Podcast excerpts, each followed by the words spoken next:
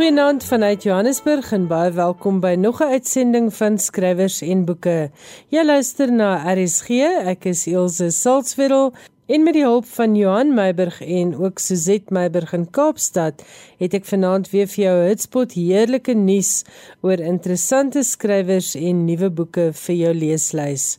In die eerste helfte van die program gesels Suzet met François Loots en hulle praat oor sy jongste roman Die Kapok Dokter. In die tweede helfte gesels ek met Daniela van Heerden oor haar bekroonde jeugroman As jy droom. Tussendeur het Johan Meiburg vir ons internasionale nuusbrokkies en vanaand het hy nuus vir jou oor een van die Friendsterre, Matthew Perry, se biografie. Hy stel jou ook voor aan vanjaar se wenner van die Franse Prix Goncourt prys, 'n baie belangrike letterkundige prys met 'n verstommende klein prysgeld. En dan is daar ook nuus oor 'n nuwe bundel essays uit die pen van Haruki Murakami, as ook 'n nuwe boek uit die pen van die sanger en Nobelpryswenner Bob Dylan. Ek hoop jy geniet vanaand se skrywers en boeke.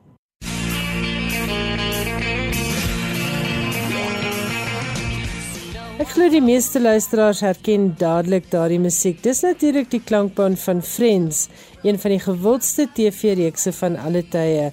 Dis in verskeie lande uitgesaai en is steeds die Engelse TV-reeks wat die meeste gekyk word in byvoorbeeld Indië. Maar terwyl die ses vriende ons op die skerm vermaak het, het ons baie min geweet van die drama agter die skerms, veral as dit kom by Matthew Perry, een van die ses akteurs. Johan Meiberg het nou vir ons nuus oor Perry se biografie wat binne 2 weke na uitreiking reeds die nommer 1 plek bekleed het op die gesogte New York Times lys van topverkopers. Hier is Johan Meiberg.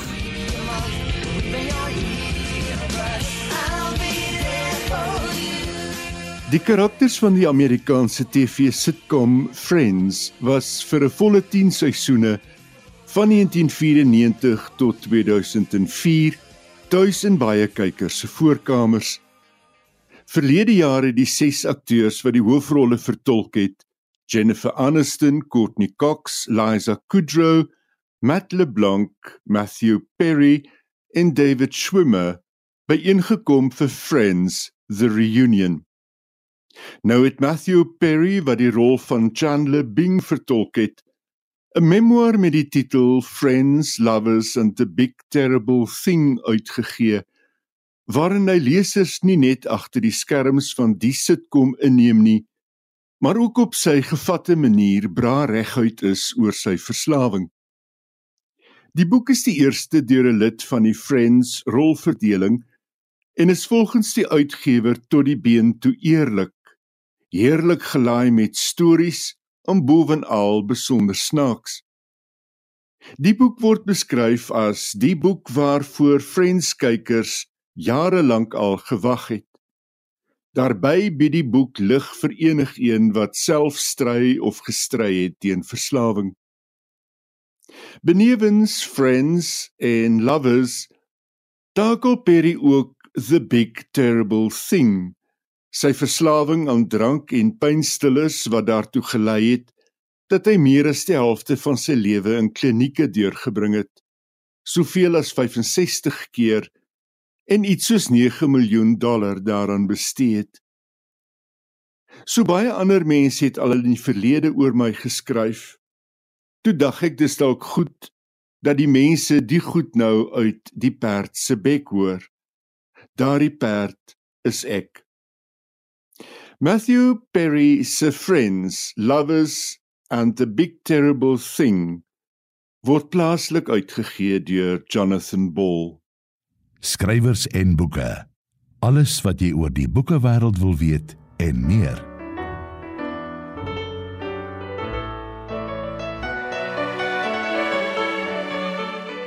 Dis die jaar 1816 en die jong dokter James Barry stap in die Kaap te Goeie Hoop aan Waal.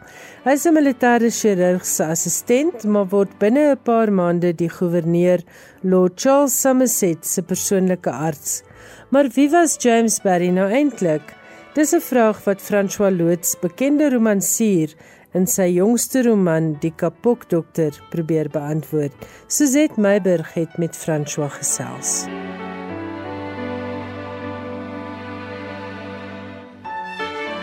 François, baie welkom by Skrywers en Boeke. Dankie aan jou en ook hallo aan die luisteraars. Ons gesels oor jou nuwe boek, Die Kapokdokter. Nou jy het al meermale historiese figure as onderwerp vir jou romans gekies, soos Bram Fischer vir uh, Rooi Jan Alleman en Jan Hofmeyer vir Die Diepblou See. Wat het jou op die spoor van Dr James Barry gesit?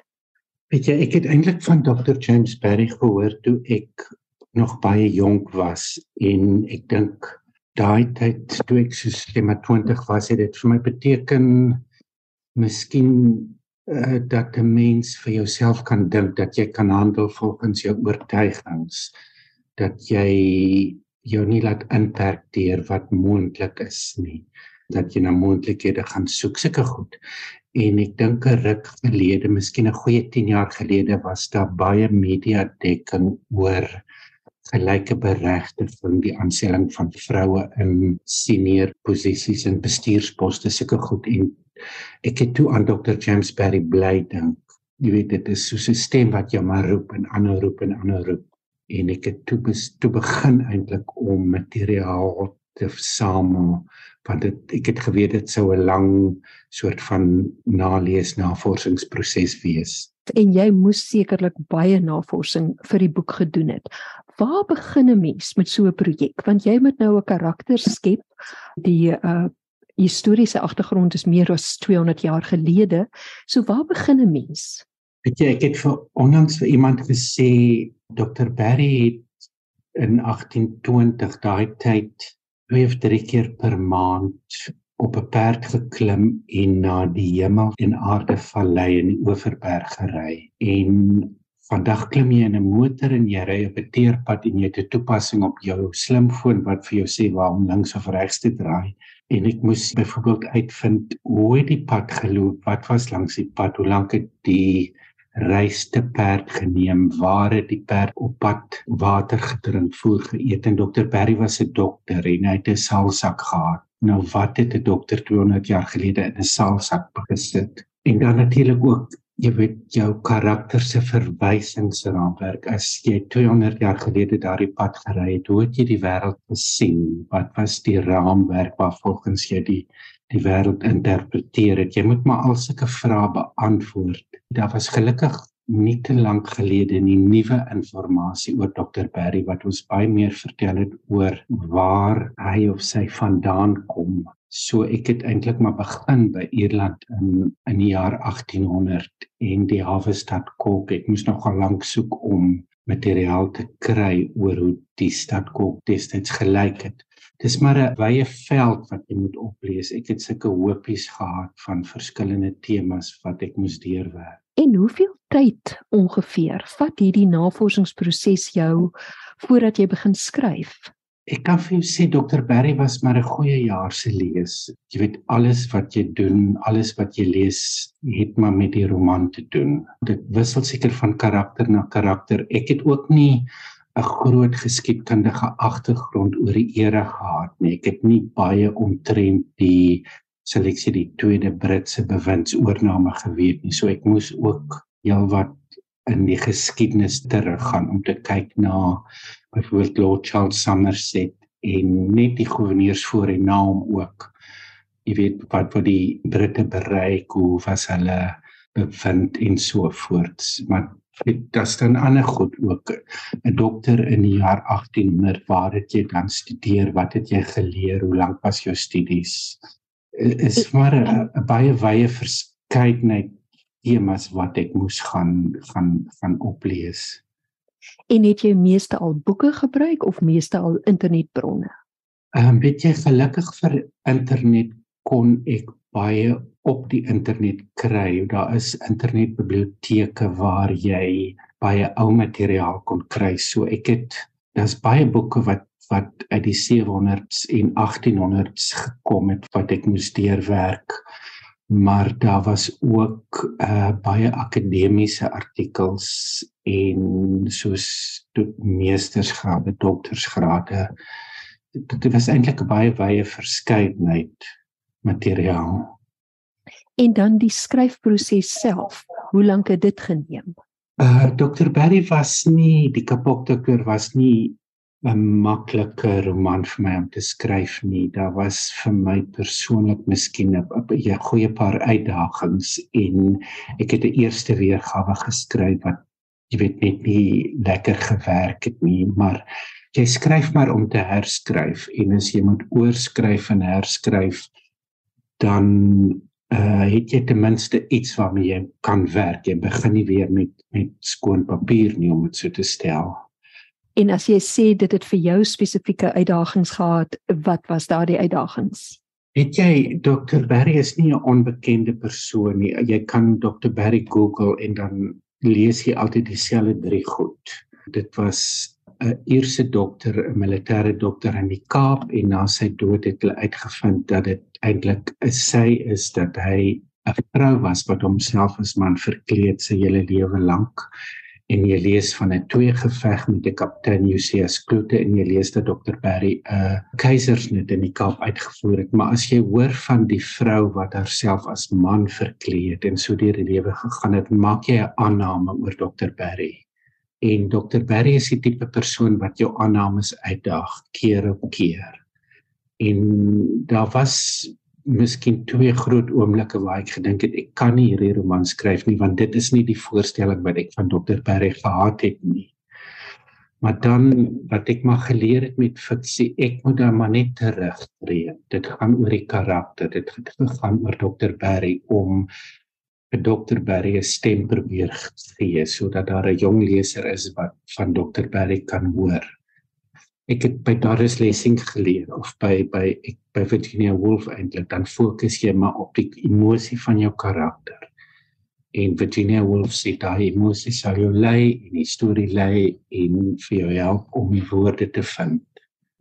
Ja, want emosie aan mense is seker die een ding wat so universeel is dit sny oor ouderdom dit sny oor geslag dit sny oor uh nasionaliteit. So inderdaad is dit goeie raad.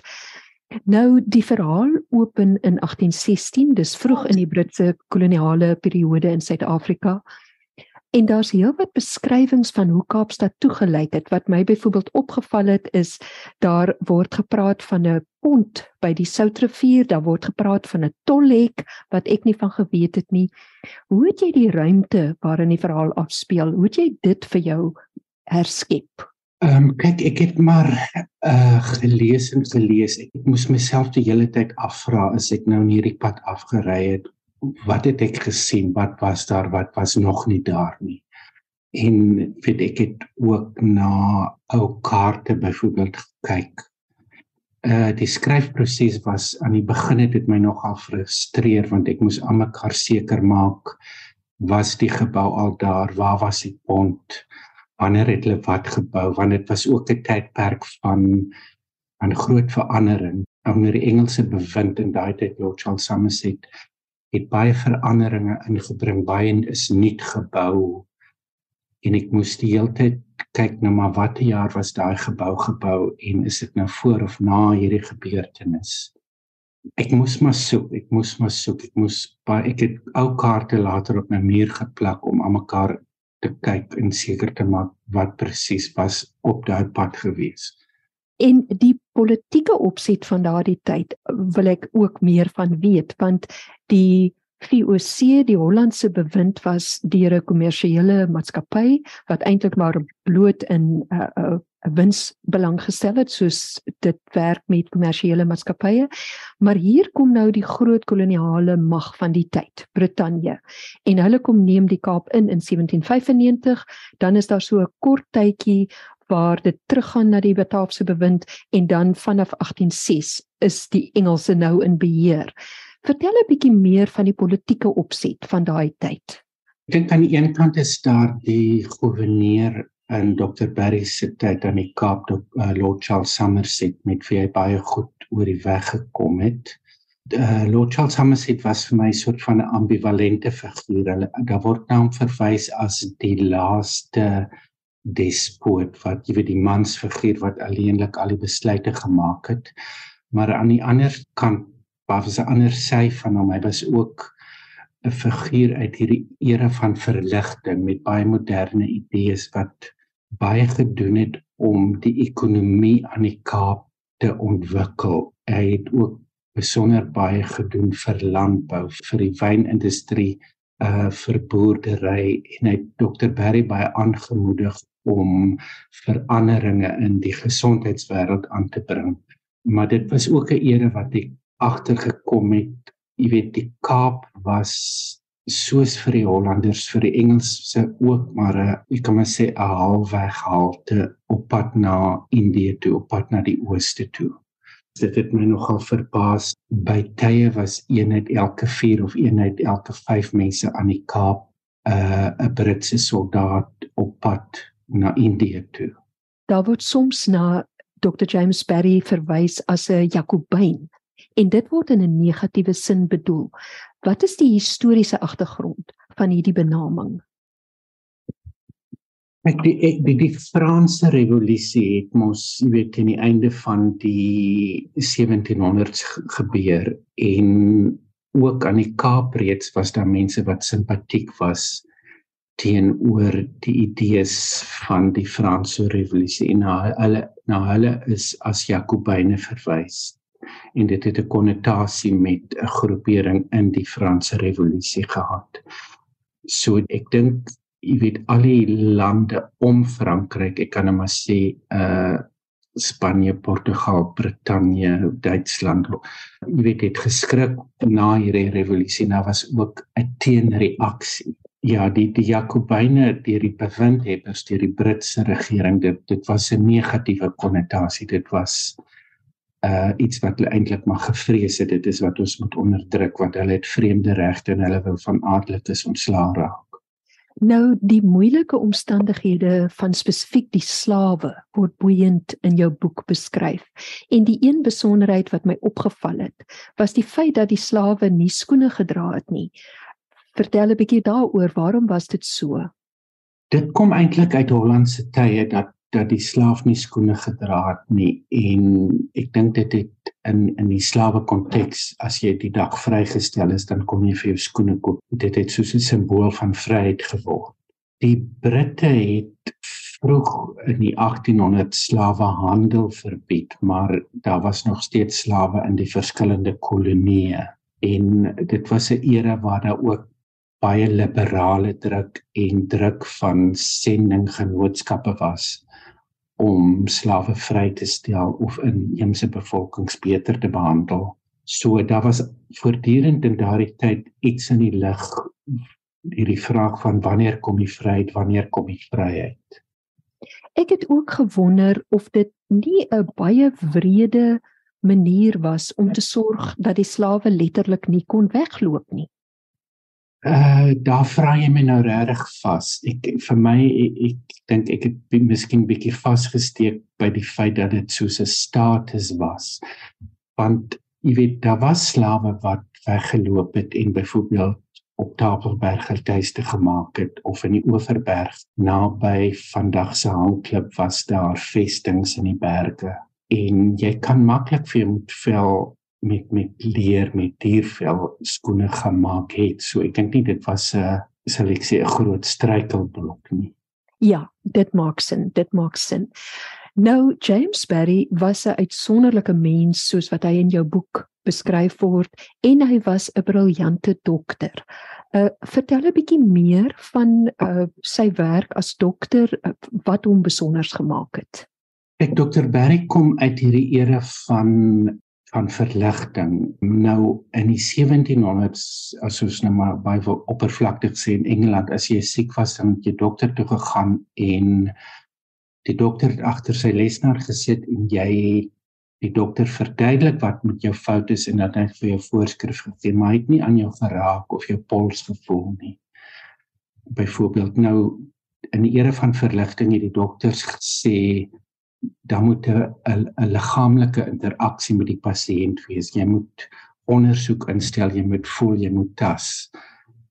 En jy moet navorsing doen, jy moet verskillende medisyne vergelyk en die anatomie, die snydokters het ook na vore getree. Daar was baie godsdienstige besware daarteen nie mag jy onder die vel ingaan nie want dan beskadig jy uh sal ek sê God se skepping en die die die die, die dokter van daardie era het gesê jy moet sny, jy moet onder die vel kyk, jy moet ondersoek instel. Dit was soort van 'n dokters wat wou navorsing doen om dit so te stel. En Dr Barry was, jy weet vir baie mense was Dr Barry 'n besonderse persoon en 'n held of 'n heldin, maar Dr Barry was ook uh ek kan maar sê moeilike persoon. Baie keer het ek akademiese werke byvoorbeeld gelees dat Dr Barry vreemd opgetree het of vreemd gehandel het.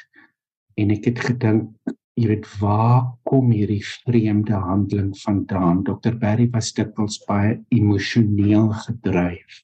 En ek, jy weet, as skrywer, as jy karakters skep, jy gaan jy kyk na die die interne lewe, die emosionele lewe en ek moes gaan soek na die na die motivering maar die agtergrond waar het dit alles begin wat dryf hierdie dokter se emosies wat maak dat hy so intens voel en so intens is in sy handeling en sy optrede. En hy was ook bekend met die ek kan maar nou die ou term gebruik die moederskoot. Hmm. En ek ek moes dink, jy weet, wat het gemaak dat die dokter juis daarin belangstel? Hy het byvoorbeeld 'n teses geskryf in sy studies oor buikbreek by die vroue. Wat het gemaak dat hy dit kies? Hoekom net sy belangstelling daar gelê? So met met fiksie ek dink altyd aan Doris Lessing wat vir my geleer het weet in fiksie kan jy 'n emosionele landskap verken wat jy nie in 'n geskiedenisboek of in 'n biografie kan doen nie so ek moes maar ek was ook nuuskierig ek wou weet wat het hierdie dokter gedryf ja Nou 'n treffende aspek van die verhaal is mense se afhanklikheid van plante as medisyne. Vertel ons meer van die botaniese werk wat James Berry gedoen het. Weet jy, ek moes wat ek jou gesê het vroeër, wat het 'n dokter 200 jaar gelede in sy saalsak gesit as hy moes gaan behandel en jy weet vandag gaan ek op apteek toe ek kry Panado of of antibiotikum maar daai goed het nie 200 jaar gelede bestaan nie. So ek moes gaan oplees wat was beskikbaar, wat het mense gebruik en daar is vroeë reisigers aan die Kaap wat oor hulle reise hier geskrywe het en daar het ek nog baie inligting gekry. En dit het my verbaas hoe baie uh natuurlike produkte gebruik is, maar natuurlik was dit so want daar was nie vandag se se se medisyne wat in 'n fabriek vervaardig is of in 'n laboratorium vervaardig is. Wat vir my interessant was is dat jy weet vandag praat ons oor die regulering van medisyne dat daar baie gesondheidsprodukte is, maar daar is nie inligting of data om vir ons te sê hoe effektief dit is nie en dit het my verbaas dit was ook 'n stryd wat dokter Barry met aptekers hier geveg het want jy kon geweldig baie op 'n apoteker se rak kry. Jy kon byvoorbeeld fyn gemaakte renosterhoring in die Kaap koop, maar daar was toe ook nie weet inligting beskikbaar oor hoekom is dit effektief, wat is in die produk nie en dit is wat die die dokter van die era van verligting wou weet. En daai dokter Barry ook op baie tone getrap en nie altyd vriende gemaak. Brei 'n bietjie uit oor die titel Dr Barry was klein van liggaamsbou net oor die 5 voet en omdat dit 'n vrou was wat as 'n man verklee is. Jy weet by 'n man se liggaam gebeur reg goed hy groeie snor, hy groeie baard, hy dalk harige arms of bene en daardie liggaamlike kenmerke het Dr Barry nie gehad nie en in die klein Kaap wat maar 20000 inwoners gehad het het mense baie gepraat oor hierdie briljante dokter wat vreemd genoeg so klein van liggaamsbou is en sulke fyn handjies het.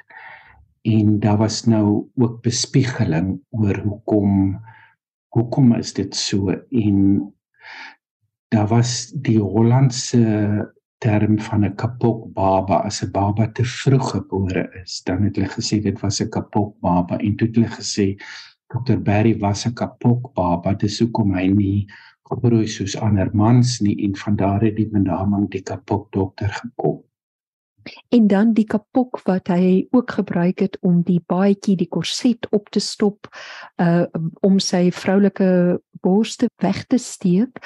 Het hy werklik kapok van die bossies afgebruik? Ja, daar is 'n kapok bos in die Suid-Kaap in die Oeverberg sien hom baie en dit is is maar 'n klein donsie wat hy het. Jy moet nogal baie versamel, maar jy kan vir jou byvoorbeeld 'n kussing maak of so iets, so jy kan iets aan die stop en daar is jy weet oor Dr Barry is daar so staaltjies wat jy maar op op op in vre, op vreemde plekke raak lees in in in reisbeskrywings of mense se biografieë destyds aan die Kaap of in die Kaapse in die Kaapkolonie en daar is een staaltjie dat hy in Nysna by 'n Lord Rex tuis was saam met die Somersets. En daai het hulle ook daai het hy gaan kapot pluk. So dit is dit is dit was 'n algemene gebruik om die kapot te pluk en te gebruik vir eintlik verskillende goed. OK. Vir die boek moes jy sekerlik baie nadink oor die hele kwessie van geslag en gender. Dink jy dit sou in daardie tyd moontlik gewees het om die teenoorgestelde te doen dat 'n man hom sou kon voordoen as 'n vrou?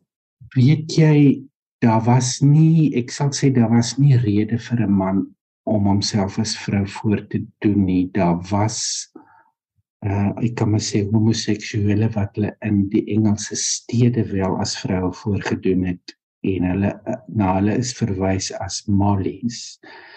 Maar die die die die vrou wat daar as man voordoen ek dink nou aan 'n werk van Karel Skuman skepelinge was nie 'n uh, onalgemene ding nie. Dit het vir die vrou moontlikhede beteken. Die vrou se wêreld was so ingeperk. Sy het nie opvoeding gekry nie. Haar loopbaankeuses was absoluut minimaal. En om soos 'n man aan te trek en na die kolonie te reis, het basies vir jou moontlikhede gegee, maar die man het reeds die moontlikhede gehad. So dit het alles eintlik oor die magsposisie gegaan. Daar was nie werklik enige enige iets te te te wen uit 'n uit 'n vrou se posisie nie, maar baie te wen uit 'n man se posisie. Ja, mense vra soms, jy weet, as die vrou haar as man aangetrek het, gekleed, was daar 'n oomblik van verlies, maar ek dink daar was altyd 'n oomblik van bevryding en 'n oomblik van hoop maar ek dink ook wat jy baie goed in die verhaal uitbeeld is daardie bewussyn by by James Barry die heeltyd dat in wese kan ek net in my privaatste ruimte wanneer ek 'n kamerdeur agter my kan toemaak kan ek heeltemal myself wees want dan kan ek hierdie vermomming af afhaal uittrek en dan is ek weer wie ek dan nou ten diepste is. Die verhaal eindig met Dr Barry wat 'n keisersnee doen en so red hy die ma en die baba se lewe en dit het 'n interessante skakel na spesifiek die Afrikaner geskiedenis van die 20ste eeu. Dr Barry soos ek nou vroeër gesê het, het 'n teses gedoen oor buikbreek by die vroue en hy en 'n apteker aan die Kaap, 'n Engelse apteker Paulman was goed bevriend en hulle het ingeteken op 'n uh, 'n mediese tydskrif. En in die tydskrif was daar 'n artikel oor 'n keisersnit wat in Switserland uitgevoer is. So hy moes dit gelees het en hy het die anatomie goed geken. Nou in daardie tyd, jy weet, vandag as 'n vrou swanger is, dan is dit opgewondenheid. Sy vertel van maan vir ouma en almal is bly en beplan. Maar 200 jaar gelede was daar so baie stilgeboortes en so so baie sterftes met geboortes met die geboorteproses self dat dit 'n bietjie van 'n taboe was. Jy was te bang om jou ma te sê want dan gaan jou ma begin bid dat jy oor 'n jaar nog lewe. Nou wat dokter Barry daardie aand gedoen het toe hy 'n keisersnit uitgevoer het was iets totaal onbekend aan die Kaap en is eintlik verstommend dat hy die moed gehad het om dit te doen maar hy jy weet hy die die anatomiese kennis gehad Dokters het daarop staat gemaak dat pasiënte hulle fooi gee en omdat dokter Barry reeds deur die Britse weermag betaal is, het hy nie altyd 'n fooi gevra nie omdat hy daardie aand nie 'n fooi wou hê nie. Die pa besluit dat hy Dr Barry se naam uh, sal gebruik as tweede naam vir sy seun. En die James Barry Minnick van destyds ja. het uiteindelik na die naam deurgeloop van JBM Hertzog, die beroemde generaal wat uh, op 'n stadium uh, Suid-Afrikaanse uh, politieke leier was. So daardie JBM Hertzog is James Barry Minnick Hertzog. Ja, dit kom eintlik van daardie aand af toe hy 'n vrou en 'n baba se lewe gered het. So dit is waar die baie mense sê die vreemde Engelse name in die Afrikaans sê sy leefplek gevind het daardie nag in 'n huis in Constantia. En Ach, in Nieuweland. En dit is ook hoe ek as skoolkind reeds geleer het van hierdie Dr James Barry wat 'n uh, vrou 'n vrou was en ja. aan die Kaap as 'n man geleef het. Uh François, ek het jou boek geweldig baie geniet. Ek dink jy kry iets baie besonders met dit reg en baie geluk daarmee en ook baie dankie vir ons uh, interessante gesprek. Dankie Suzette, alles van die beste. Dit was François Loots en Suzette Meiburg het met hom gesels oor sy jongste roman Die Kapok Dokter. Dit word uitgegee deur Penguin Random House. Dis nou weer tyd vir Johan Meiburg en hy gesels nou met ons oor die Franse Prix Goncourt. Die Franse Prix Goncourt, die letterkundeprys wat allerweë beskou word as Frankryk se roemrykste, weliswaar met prysgeld van net 10 euro. Die wengeld is slegs simbolies, voer die organiseerders aan, is pas toegeken. Die Goncourt Stichting meen die prestige van die prys kan nie in monetêre terme gemeet word nie. Die 2022 Goncourt prys is toegeken aan Brigitte Giraud vir haar roman Vivre vite wat mense kon vertaal as lewe vinnig. Die boek gaan oor die motorfietsongeluk wat in 1999 die lewe van haar lewensmaat geëis het. Die beoordelaars het die roman aangeprys vir die sensitiwiteit waarmee Giraud 'n verhaal van universele belang vertel.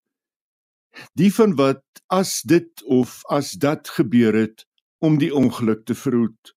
Dit is die soort ervaring waarmee enigiemand wat 'n persoon verloor het, kan identifiseer. Giraud is die 13de vroue skrywer wat die prys wat 120 jaar gelede tot stand gekom het, ontvang. Vorige wenners sluit in Marcel Proust, Simone de Beauvoir, Marguerite Duras en Michel Houellebecq. Nie een van Giraud se romans is al in Engels vertaal nie en een van die oogmerke van die Goncourt-prys is wyeer bekendheid en juis vertaalmoontlikhede. Van Haruki Murakami, die Japanse skrywer wat veral bekendheid verwerf het met sy romans vertaal as Norwegian Wood van 1987, The Wind-Up Bird Chronicle van 95, Kafka on the Shore van 2002 en IQ84 van 2010. Verskyn van dese maand in Engels 'n bundel essays met die titel Novelist as a Vocation. Die boek het reeds in 2015 in Japan verskyn. Die boek bevat 11 essays onder meer oor sy ontluiking as skrywer, die rol van die roman in die hedendaagse samelewing en die rol van impulse wat skrywers, kunstenaars en musikante inspireer. Een van die treffendste vertellings in die boek is omtrent Murakami se gewaarwording jare gelede in 1978 dat hy 'n skrywer kan wees. Ek het na 'n bofbal wedstryd sit en kyk en uit die bloute sonder enige aanleiding het dit my met een getref. Ek dink ek kan 'n roman skryf. Die volgende jaar was sy eerste roman op die rak wat later vertaal is as Hear the Wind Sing. Daarna het romans in die genres van wetenskapfiksie, fantasie en misdaadfiksie gevolg, almal met 'n taamlike skeut magiese realisme. Onder die etlike pryse wat hy reeds verower het, staan die Kafka-prys en die Hans Christian Andersen-prys dalk uit. Volgens berigte is hy by meer as een geleentheid benoem as kandidaat vir die Nobelprys vir letterkunde. Maar omdat die pryse benoemingslys geheim gehou word tot 50 jaar na die aankondiging van die betrokke jaar se wenner, is dit gewoon spekulasie. Haruki Murakami se Novelist as a Vocation is vertaal deur Philip Gabriel en Ted Goosen en word uitgegee deur Havel Secker. Jan Meiberg het met ons gesels oor Haruki Murakami se bundel essays getiteld Novelist as a Vocation. Nou is dit vir my lekker om vir Daniela van Heerden welkom te sê by Skrywers en Boeke. Ons gesels oor haar jeugroman As jy droom wat nou reeds met twee groot pryse bekroon is. Hallo Daniela, baie welkom by Skrywers en Boeke en baie geluk met die onlangse Sala toekenning vir As jy droom. Vertel asseblief vir ons luisteraars waaroor hierdie bekroonde jeugboek gaan. Dankie Ilse en dankie aan jou luisteraars. As jy droom is 'n ware verhaal en ek het dit geskryf saam met Megan Werner en dis eintlik haar verhaal en wat sy vermag het. Sy was net vir die pandemie in 2019 was sy nog 'n skooldogter gewees hier in Kreersdorp in Gauteng en sy was 'n jong vleenier, is 'n jong vleenier. En haar pa was ook 'n vleenier gewees en sy het 'n droom gehad. Sy het altyd geweet sy wil iets groot vermag met haar lewe. En sy het toe hierdie plan uitgedink dat 20 Suid-Afrikaanse tieners moet 'n vliegtyg bou. 'n Mens kan dit ook doen. Hulle noem dit 'n sling 2 wat as jy dit nou vereenvoudig, dit sê vir my verduidelik is dit soos Lego op groot skaal, maar een wintervakansie het die 20 jong tieners toe met die hulp natuurlik in oorsig van ingenieurs en 'n bekwame span het 'n sling vliegtyg gebou en 'n paar maande later het Megan as een van die jong vlieëniers, leerling vlieëniers saam met ander jong vlieëniers, almal in hulle tienerjare of vroeë 20's, gevlieg van die Kaap na Kaïro. En dit is die kern van die verhaal en dan natuurlik gaan dit oor hoe dit als gebeur het en die avonture wat hulle op die pad beleef het. Nou hoe het jou en Megan se paie gekruis? Ek het Megan ontmoet juis deur die boek want ek is genader om die boek te skryf. Ek was baie gelukkig en bevoorreg dat Mimi Du Plessis, 'n uitgewer by Pan Macmillan Suid-Afrika, is 'n jeugboekuitgewer. Sy het ook hierdie storie in die media gevolg en ek is immer 'n joernalis, so ek het ook geweet daarvan en dit in die koerante gesien en ek weet Megan was nog daarby. Ek werk by Een Nuus, uh, die Afrikaanse nuus op kyk net maar ons susterskanaal ENCA het ek al gesien sy het uh, onderhoude daar in hulle ateljee kom doen. So ek het geweet van hierdie projek. Um en dit gevolg en dat die klomp gevlieg het en toe hulle nou ook hierdie wonderlike uitdaging voltooi het. Maar Mimi weet natuurlik wat maak 'n lekker jeugboek en sy dadelik gesien maar hierdie is 'n storie wat geskryf moet word. En sy het toe na my verwys as 'n moontlike opsie as 'n skrywer. En sy het my gekontak en gesê weet ek van hierdie storie wat ek natuurlik het. En gesê maar maar sien ek nie kans om dit in die vorm van 'n jeugboek te skryf nie. En uh, die genre soos sy sê dit vir my beskryf het is narratiewe nie fiksie narrative non-fiction. So jy neem basies 'n ware verhaal en al die ware gebeure maar jy skryf dit in die styl van 'n tradisionele jeugstorieboek en dit is toe wat ons gedoen het. En dis toe ek vir Megan ontmoet het. Mimi het nog 'n vergadering gereël met met Megan en haar ma Belinda.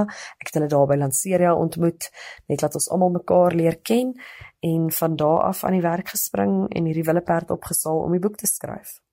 En vertel asseblief vir ons meer van hierdie dapper jong vrou. Ja, dit was my telkens opvallend as ek saam met Megan gewerk het eintlik ehm um, was ek keer op keer verstom oor eintlik wat sy en hierdie span, maar dit was sy was tog die dryfveer agter dit, maar wat sy vermag het en dat sy net nie teruggeduins het nie en as mens nou ook die boek lees sonder om te veel weg te gee, hierdie dit was nie alles net smooth sailing soos hulle in Engels sal sê nie, daar was regte groot uitdagings op hulle pad. En sy was maar 17 jaar oud toe hulle dit gedoen het. Dis regtig nog jonk om um verskriklike groot uitdagings en in in sekere omstandighede baie gevaarlike situasies wat as 'n mens dit nou lees regtig vreesaanjaend is en en ook groot tragedie moes sy trotseer en hanteer. So sy is regtig die verpersoonliking van guts soos ons sal sê en um 'n inspirasie vir ja nie net jong meisies en jong vroue nie maar jong Suid-Afrikaners en jong mense wêreldwyd. Die boek is ook in Engels vertaal en ek hoop selfs mense buite ons landsgrense kan dit lees en soos ek sê nie net uit uit Megan se droom en wat sy vermag het inspirasie put vir wat hulle ook al van droom. Dit is dis hoekom die boek se titel ook is As jy droom. Um dit was haar droom om te vlieg, maar ons hoop dat jong lesers hierna hulle eie droom sal vlerke gee as ware. Ons het jou leer ken as 'n beeldjoernalis waarna jy vir 'n lang tyd 'n TV-verslaggewer was en deesdae is jy ook TV-nuusleser. Maar vertel vir ons 'n bietjie van jou pad met woorde. Wou jy altyd 'n skrywer en 'n joernalis word? Ja, ek dink ek sou myself eerstens as ek moet bestempel wat ek is, sou ek sê ek is 'n joernalis. Dit is soos jy gesê het, absoluut die loopbaanpaadjie wat ek gevolg het, kommunikasiekundiges wat ehm um, wou 'n joernalis word by die skoolkoerant betrokke gewees, maar daardie liefde vir stories vertel en die journalistiek het tog maar eintlik begin by die liefde vir woorde. En voordat ek nog ooit eintlik geweet het wat die journalistiek as 'n beroep is, was ek 'n kind wat verskriklik gehou het van lees. Um ek kom van Potchefstroom af en ek het baie tyd in die dorpsbiblioteek spandeer en altyd aan die leeskompetisies deelgeneem, die ATKV se kompetisies waar boeke vir jou voorgeskryf word volgens jou ouderdomsgroep.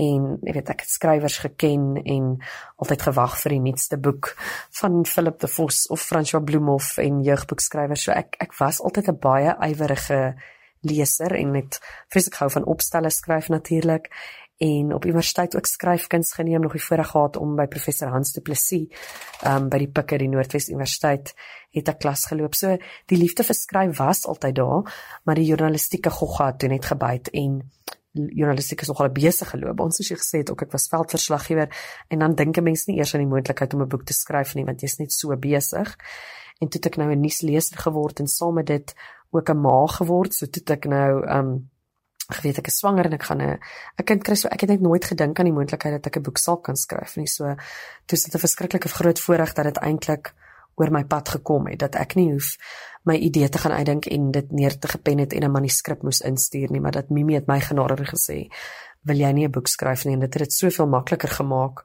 om ja te sê vir hierdie geleentheid en 'n skrywer te word, sommer so skielik en half onbepland. Boekskryf verskil nogal baie van die journalistiek. Hoe het jy die proses ervaar?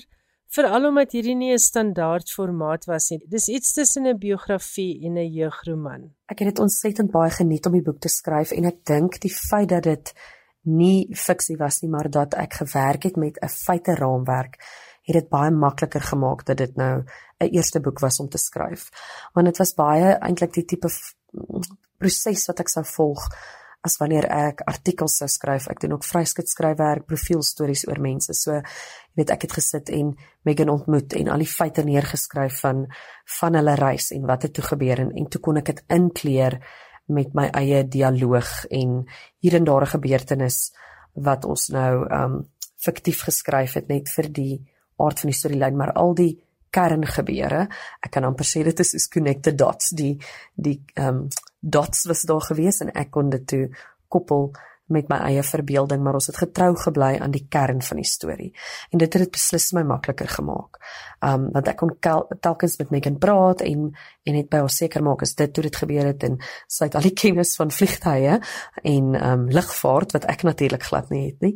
So sy was 'n baie lekker klankbord en om vir my goed te verduidelik en wat beteken dit en waar het jy toe geland en en um ek kon eintlik net die lekker deel was uh, doen om die om die dialoog te skryf en die kreatiewe dele in te vul. Hoe het jy en Megan die saamskryf aangepak? Dit was baie lekker om saam met Megan te werk en um as ons sê ons het die boek saam geskryf, het ek effektief die skryfwerk gedoen, so ek het die storie um gevorm en sy het vir my al die inligting gegee en vertel. So dit was haar stem en dan my woorde. En hoe ons dit gedoen het is ons het daai eerste vergadering gehad by Lanceria en die plan was dat ons mekaar nog gereeld sou ontmoet na dit, maar toe gebeur die pandemie en my baba dogtertjie is toe terselfdertyd gebore. So toe kon ons nie eintlik by mekaar fisies uitkom nie, maar gelukkig het ons tegnologie tot ons beskikking en dit het op die ou einde baie baie goed gewerk. Want ehm um, ek het vir haar kort kort vrae gestuur en sy het vir my lang stemnotas gestuur waar sy, jy weet, dan sal ons praat oor wat 'n spesifieke dag of week gebeur het en dan het ek dit ook sommer as 'n nota om na te kan terugluister en as verwysing gebruik. So ek het haar stemboodskappe gebruik en notas daarvan gemaak en dit dan ingevul met met my eie teks. As jy droom is nou al reeds 2 maal hierdie jaar bekroon. Die eerste toekenning was die ATKV Kinderboek toekenning en dan meer onlangs die Sala toekenning.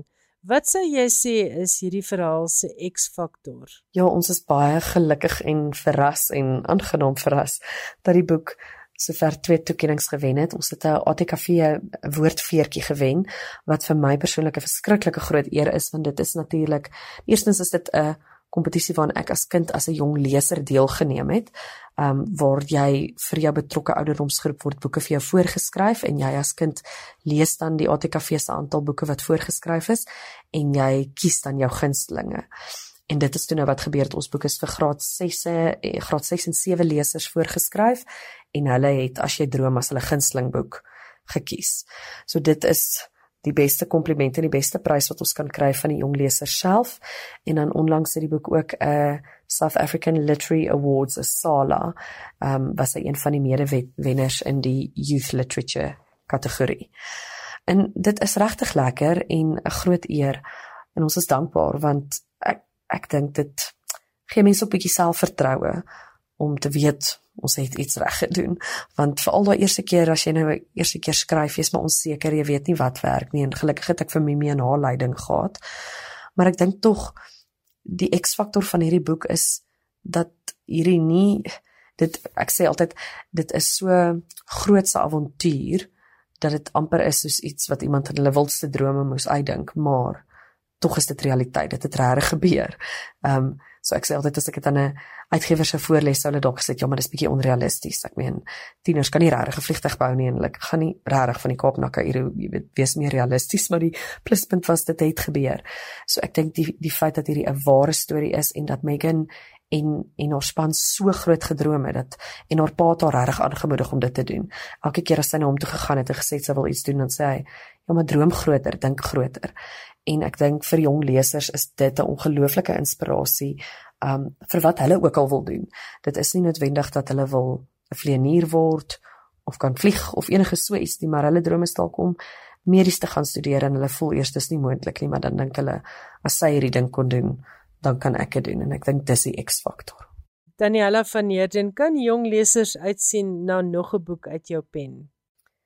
ja, ek het dit baie geniet om die boek te skryf en ehm um, ek sal baie daarvan hou om nog 'n boek of boeke te skryf en ek en Mimi gesels voortdurend oor idees. Dit is baie lekker ook om met haar te praat want baie keer het ek 'n plan en dan noem ek dit vir haar en sy weet soveel van die bedryf en watter boeke verkoop en wat kinders hou van om te lees of nie te lees nie.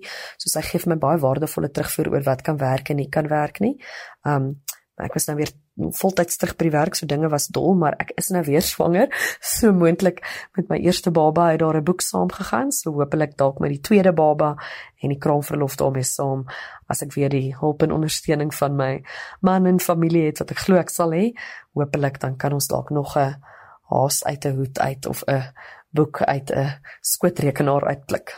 En dit was die stem van Daniella van Heerden en ons het gesels oor haar boek As jy droom. Dit word uitgegee deur Pan Macmillan. Johan Meiber gaan nou vir ons die program afsluit met sy bydrae oor Bob Dylan se nuutste boek. Lekker luister. In 2004, 12 jaar voordat hy die Nobelprys vir letterkunde gewen het, het Bob Dylan die eerste volume van sy memoir Chronicles gepubliseer. Lank was daar verwagting dat die tweede deel sou volg, maar dit het nie gebeur nie. Duidelik het Dylan besluit om 'n ander rigting in te slaan en nou is daar wel 'n nuwe boek van hom op die rak. The Philosophy of Modern Song, 'n kompendium waarin hy die geskiedenis van ander kunstenaars se liedjies wat opgeneem is, bespreek.